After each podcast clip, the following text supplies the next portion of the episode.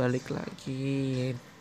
Damien pun menemukan informasi usaha untuk dapat pulih dari eksperimen yang ia lakukan bukan tanpa efek samping. Ia dengan seorang perempuan yang akhirnya dirinya serupa dengan pasangan si perempuan yang sudah lama tiada. Perempuan tersebut nyatanya membuat Damien merasa bersalah. Ya seperti mengambil nyawa orang lain tanpa sepengetahuannya. Ryan Reynolds dikisahkan menjadi tokoh yang diperankan oleh Rizky dalam film ini ya guys ya.